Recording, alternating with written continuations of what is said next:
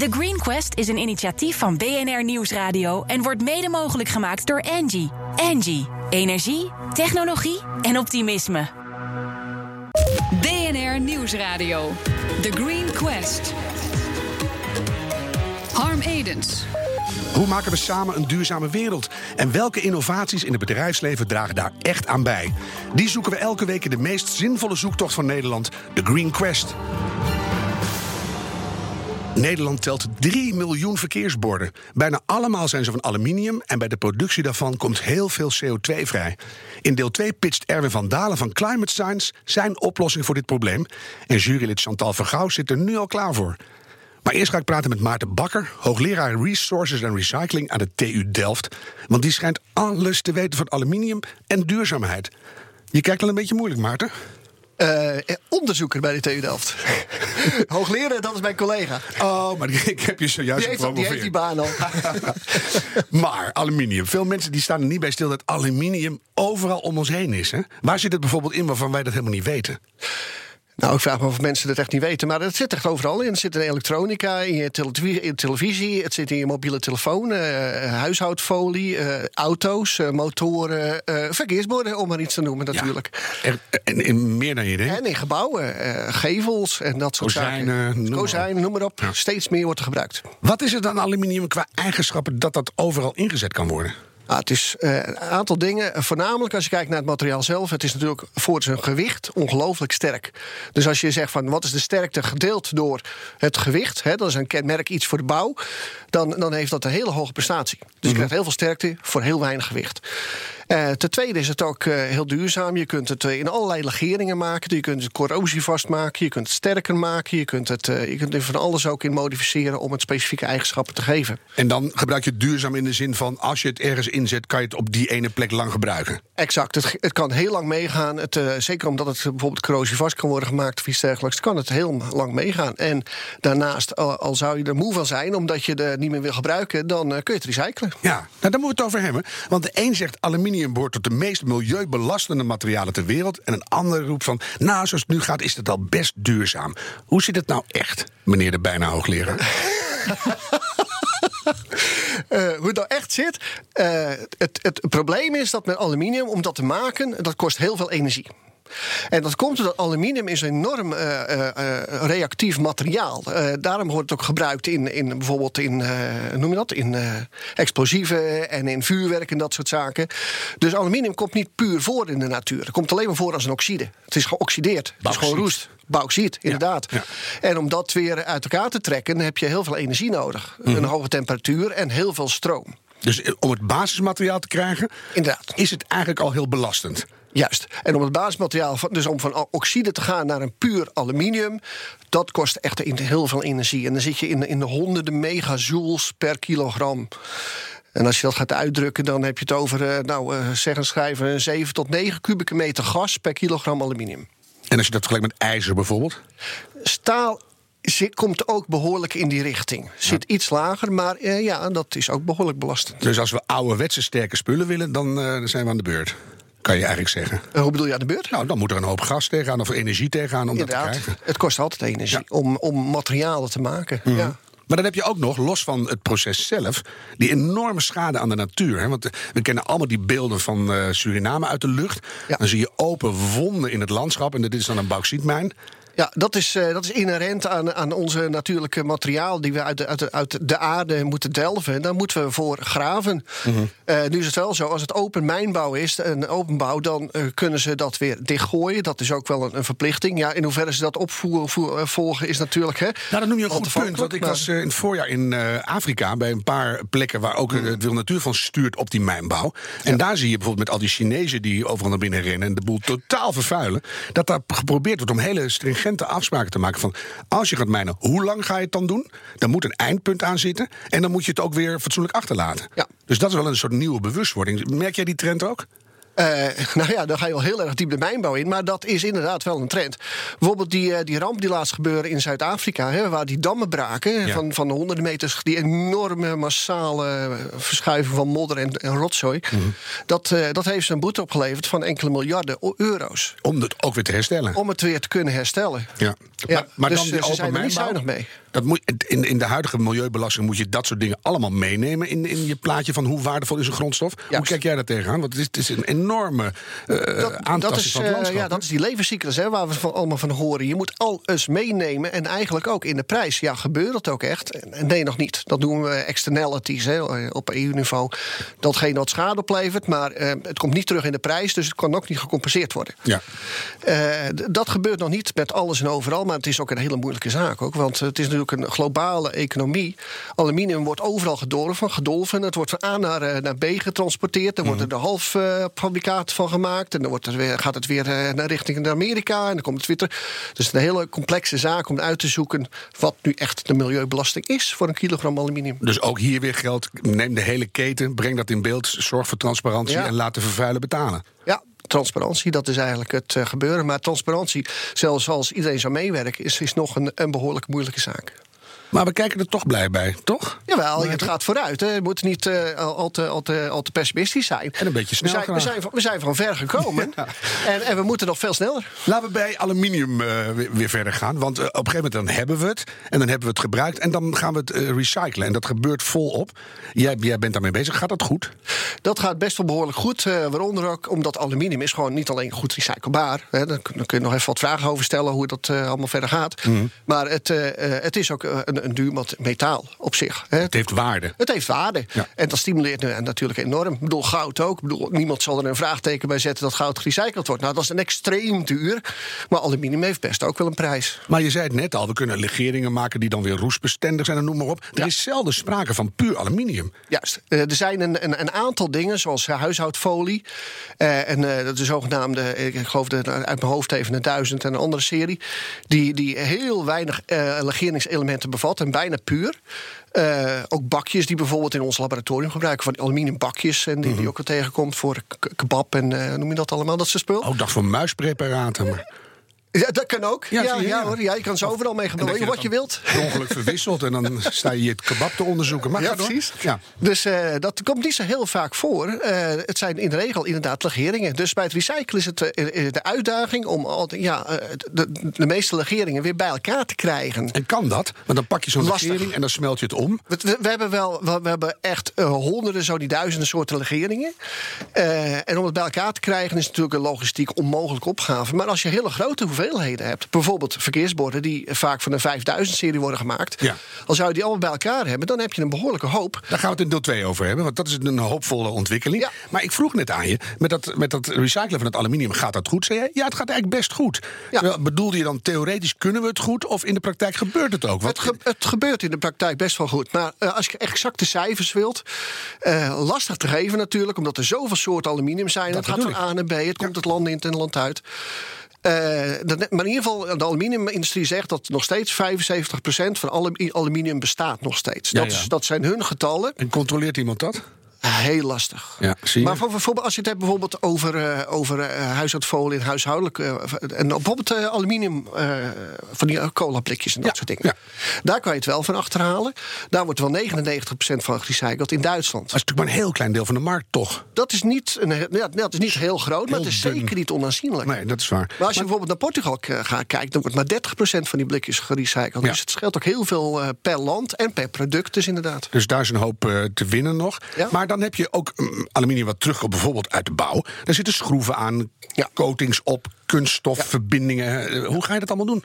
Dat zijn dus eh, twee uitdagingen. Allereerst dus eh, om eh, letterlijk de, de, de, de, de, de metaalvreemde elementen eruit te halen. Dat is een kwestie van sorteren. Daar gebruiken we allerlei machines voor. Mhm. En als er geen machines zijn, dan hebben we mensen die met de handen iets nog eruit halen. Ja. En dat proberen ze schoon mogelijk te krijgen. Dat is een extra slag, dat kost dus extra geld. En kan je dat voor de komende tien jaar voor mij inschatten? Want we merken nu dat hè, de, de raw materials, de schaarste, die grijpt om ons heen. We moeten echt naar een belasting van, van het ge- gebruik van nieuw spul. Dus recyclen en upcyclen wordt steeds belangrijker. Ja. Nou, hoe moet dat de komende tien jaar wat jou betreft? Uh, als we het over aluminium hebben, nou, aluminium is het, het derde meest uh, voorkomende metaal op aarde. Wil niet zeggen dat het overal zomaar voor het oprapen ligt, hè, want we hebben een hele grote aarde, hè, een 6000 kilometer radius, dus die kan niet overal bij. Maar uh, het, het, komt heel vaak voor. Dus laten we zo zeggen, voor de komende 100 jaar, mits we op hetzelfde niveau blijven als nu, is er gewoon nog genoeg bauxiet om aluminium te maken. Maar dat helpt ons niet om te zeggen, we gaan die keten sluiten en we gaan ophouden met rotzooi maken. Nee, dat is dus een apart iets. En dat moet ook steeds beter gebeuren. Maar laten we wel zijn, ongeveer 50% van al het, nou iets minder, van al het aluminium wat er op dit moment rondgaat, is 50% al gerecycled. Mm Dus we zitten met een, met een markt van 50% virgin is, hè, zoals we dat noemen, ja. uit de bauxiet. En 50% is al gerecycled. En zie je dat er komende 10 jaar echt enorme stappen ingezet gaan worden? Het moet wel, want een van de, van de problemen met recycling, we hebben het net over gehad. We hebben al die soorten legeringen. En om die legeringselementen, zoals magnesium en silicium en zo, eruit te halen, ja, dat, dat kunnen we eigenlijk niet. Dus je wordt er in de regel wordt, dat, wordt het heel vaak gewoon wat we noemen gedilute. Je doet een, uh, zeg maar virgin aluminium bij totdat het onder een bepaald niveau is. En dan kun je weer legeringselementen erbij ja. dus, dus al die rommel die erin zit bij het recyclen, die komen weer terug.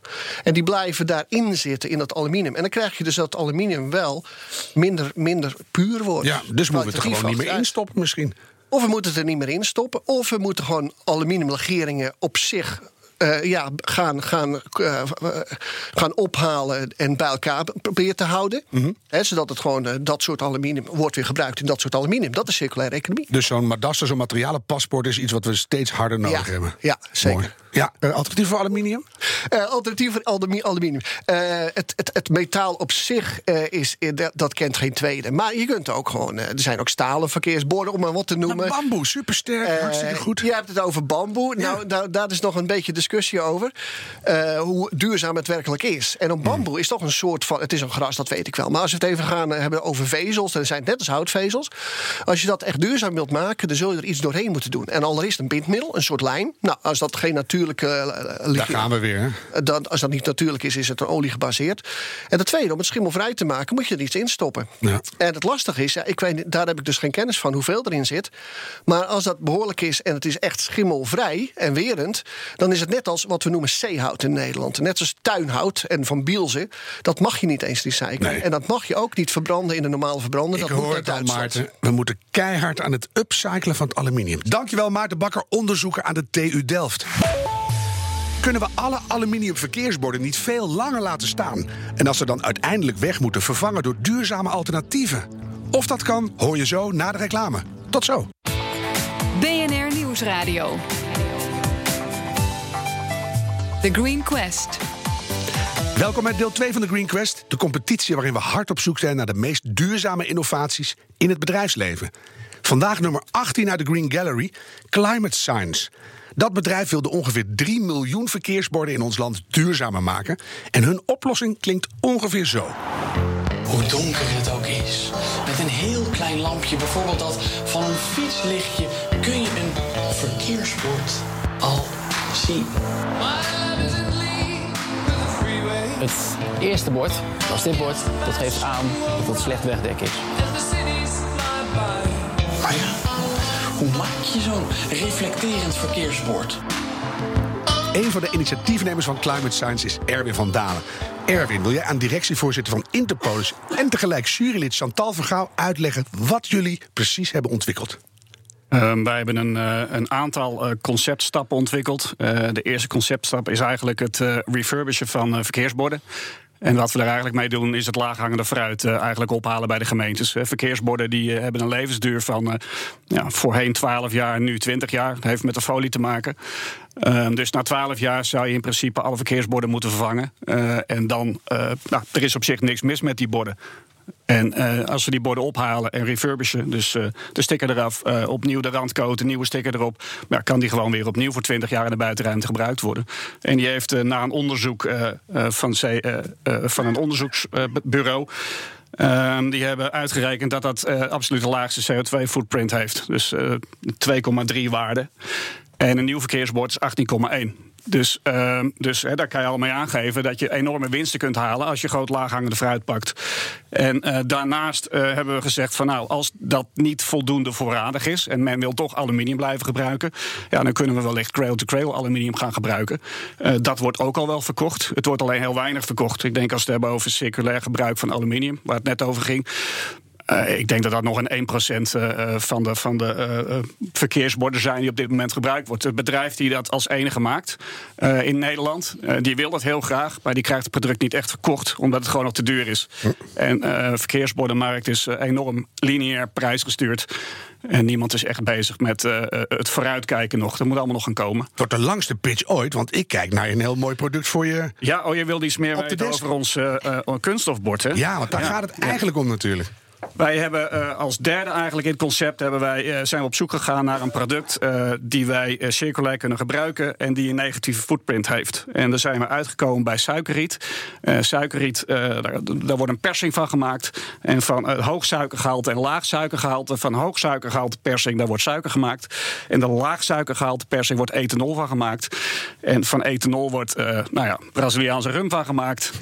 biobrandstof en kunststof HDPE. Ja, en dat, dat zien we hier. Wat voor jij mag, Chantal? Hier zien we een uh, soort gigantisch zwart rond ding waar een verkeersbord uh, op. Ja, valt iets uit. Het valt nu het insectenhotel uit. Met, met klemmen. En dat is het verkeersbord van de toekomst, Chantal. Hou ik hierop. Wat is jouw eerste reactie? Ja, nou, ik vind het indrukwekkend en het ziet er in ieder geval heel hard uit.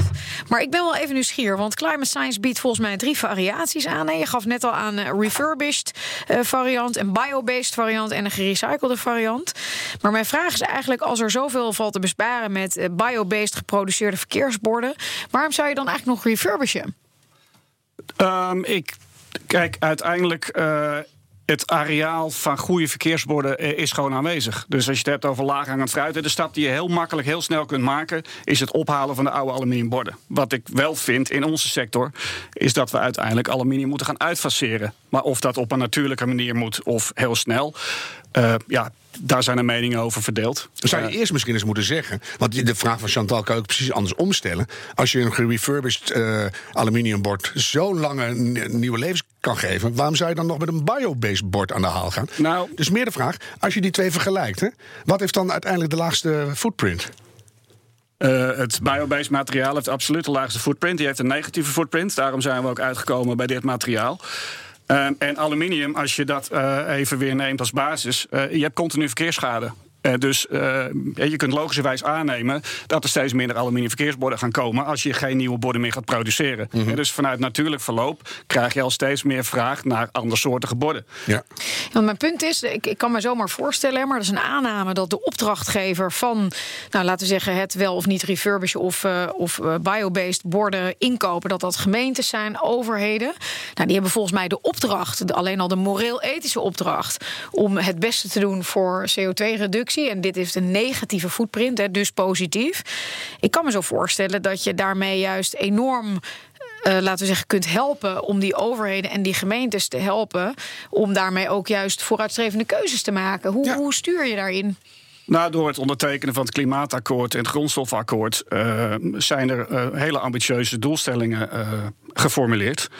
En wat we eigenlijk met ons product doen, is uh, handen voeten geven aan die doelstellingen. Maar wat we merken, uh, en dat merken we echt uh, dagelijks in gesprekken, is dat de bestuurlijke realiteit nog wel een end af ligt van de ambtelijke realiteit. Mm. En um, het is een heel mooi product, het is een heel mooi verhaal. En overal waar we geweest zijn bij gemeentes, die vinden het ook een heel mooi ontwerp, mooi product. Alleen dan blijft toch hangen van dat stuk op beleidsniveau. Die zeggen wij vinden dat mooi. Naar de operationele kant die zegt ik moet dat bord gaan inkopen. Ja. Met lopende bestekken en innovatie in een markt die heel traditioneel is. En hoeveel duurder is het? Ik denk dat die uh, 20, 30 procent duurder is. En als je het helemaal doorrekent, is een levensduur en uiteindelijk dan kom je uit misschien wel heel positief uit. Nou, maar goed, jij maakt dezelfde fout als iedereen. Ah. Uh, in beginsel. Ik ben net een uh, mens. Het, ja, je bent net een mens. Maar het gaat om het lineair denken. Daar moeten we een keer vanaf. En als je echt puur praat over prijs-kwaliteit, ja, dan is aluminium een prima product. Alleen uh, voor het milieu is het een heel vervelend product. Ik kijk even naar Chantal. Want jij bent er gewend om dingen in te kopen bij Interpolis bijvoorbeeld. Ja. Hoe, hoe, zou je gemeentes kunnen bewegen om te zeggen: jongens, denk eens niet zo lineair. Denk eens een beetje meer nu en dan later? Ja, het heeft uiteindelijk uh, met uh, de ambities die we met z'n allen volgens mij uitspreken, is het toch heel moeilijk om de korte en de lange termijn te vermengen. Je ziet dat mensen, en dat geldt ook voor overheden, het zijn ook net mensen, precies zoals je net uh, zelf ervaart, is dat we allemaal heel graag een betere wereld willen en tegelijkertijd een budget hebben te managen. en dus ook put your money where your mouth is, is denk ik het allerbelangrijkste, want dat vraagt om keuzes maken en prioriteiten stellen. Ik, en dat is denk ik de, de crux. Maar wat ik zo belangrijk vind is: wie is je concurrent? Dat was ook nog een van de vragen die ik heb. Wie is je concurrent? Ja. Heb je Eh, ik hoorde net het eh bamboeverkeersbord voorbij komen. Oh ja. Eh, dat is een concurrent. Die, die zijn denk ik een jaar of twee geleden met het, eh, begonnen met het ontwikkelen van een ander soort verkeersbord. Ehm, er is nog een eh, biocomposiet. Dat is weer van kalk en vezels gemaakt. Hm. Eh, die zijn op dit moment ook bezig. En er lopen allerlei initiatieven, dus dat is op zich hartstikke leuk.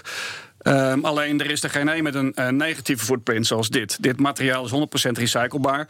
Ehm, eh, we gaan ook steeds meer door naar biobrandstof. Als je E10 bijvoorbeeld, eh, in oktober is dat bij het brandstof gemengd. Bijgemengd, ja. Ja, in Nederland is dat van graan gemaakt. Eh, en dat komt uit de primaire voedselketen. Dus het is een beetje vreemd dat ze eh, uit graan geproduceerd materiaal bij brandstof mengen. Zou maar goed, daar gaan we het niet over hebben nu. Eén klein dingetje nog. Ik zie wel aluminium ophangsysteem. Ja, maar goed. Dat eh, moet er nog af. Dat was het eigenlijk. Het concept is zich nog aan het doorontwikkelen. Dus ik wij ik zijn zie nog een verbeterpunt hier. Ja, ja, we zijn nog bezig met palen. In Brazilië is bijvoorbeeld eh 18% van de energiebehoefte komt uit ethanol uit dit materiaal. Ja. Dus eh, je ziet dat er een transitie aan de gang is. En, en die moeten die laatste stap hebben. En als je dan terecht zegt van ja, hoe ga je die laatste stap zetten? Wat heb je dan nog nodig?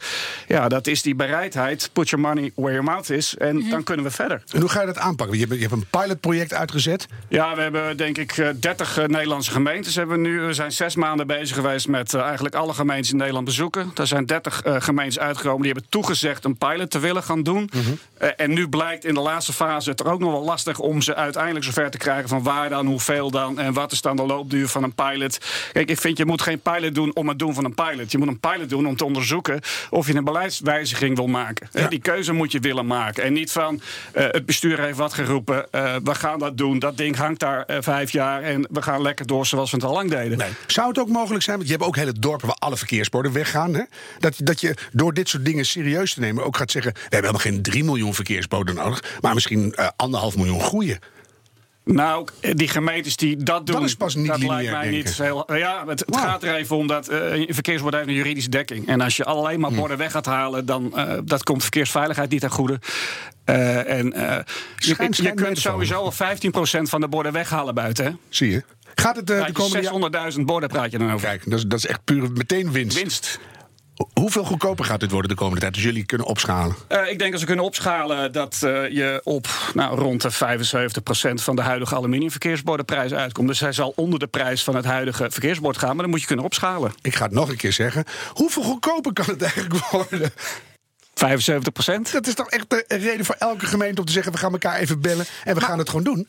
Ja, maar, even in het kader, want je zou ook zeggen dat overheden, gemeentes uh, aanbestedingsbeleid hebben. En in aanbestedingsbeleid is duurzaamheid superbelangrijk en kosten zijn belangrijk. Ja. Nou, als die twee allebei kloppen, dan moeten we dit toch toch doen?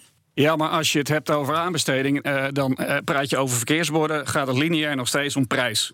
Er is een hele kleine MV-factor in waar je misschien iets anders mag doen.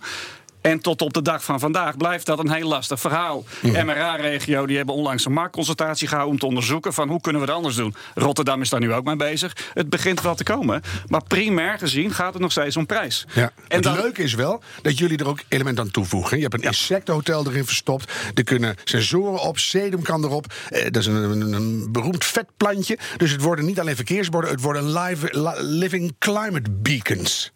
Ja, de vergroening van de stad begint ja. bij het verkeersbord. Dus waar, de, iedereen wil toch zo'n bord? Ik wil al zo'n bord in mijn tuin.